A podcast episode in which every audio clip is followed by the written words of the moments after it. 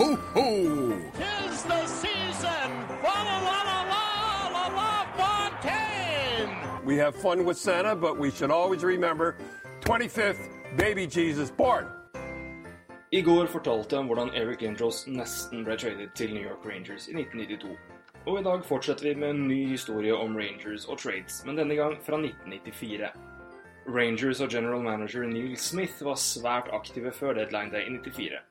Flere spillere ble sendt ut, og like mange hentet inn for å bygge et mesterlag i trener Mike Keanes ånd.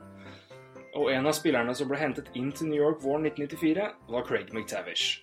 En av 18 tidligere Oilers-spillere på det laget for øvrig. Look it up! McT hadde vært en bauta som defensiv senter for Edmonton Oilers en årrekke, og Smith hadde prøvd å hente senteren i lang tid siden han ville fylle et åpenbart behov for Rangers. Daværende Oilers GM Glenn Sather ville ha Eric Cairns i retur, men det gikk ikke Smith med på. Men han tilbød Todd Marchant isteden. Jeg sa han har spilt for USA, han har fart, han har ditt, han har datt.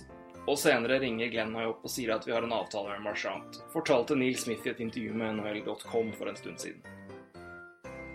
Avtalen var i boks, og alle virket happy, men når Marchant kom til Edmonton, fikk Smith en telefon fra en lite fornøyd Sather. Han følte seg lurt siden han forventet en spiller som var 1,85, mens Todd Marchant kun var 1,72. Og da måtte Smith forklare at Sather hadde sett på feil Marchant i oversikten, og at det var broren Brad som var 1,85. Sather trodde at han hadde hentet en helt annen spiller. Men som vanlig endte Sather opp med en vellykket trade, selv om denne nok skyldes mer flaks enn dyktighet. Marchant spilte 10 sesonger i Edmonton og 17 sesonger i NHL totalt. På 1195 kamper fikk han 498 poeng. Og i 2007 ble han Stanley Cup-mester med Anaheim Ducks.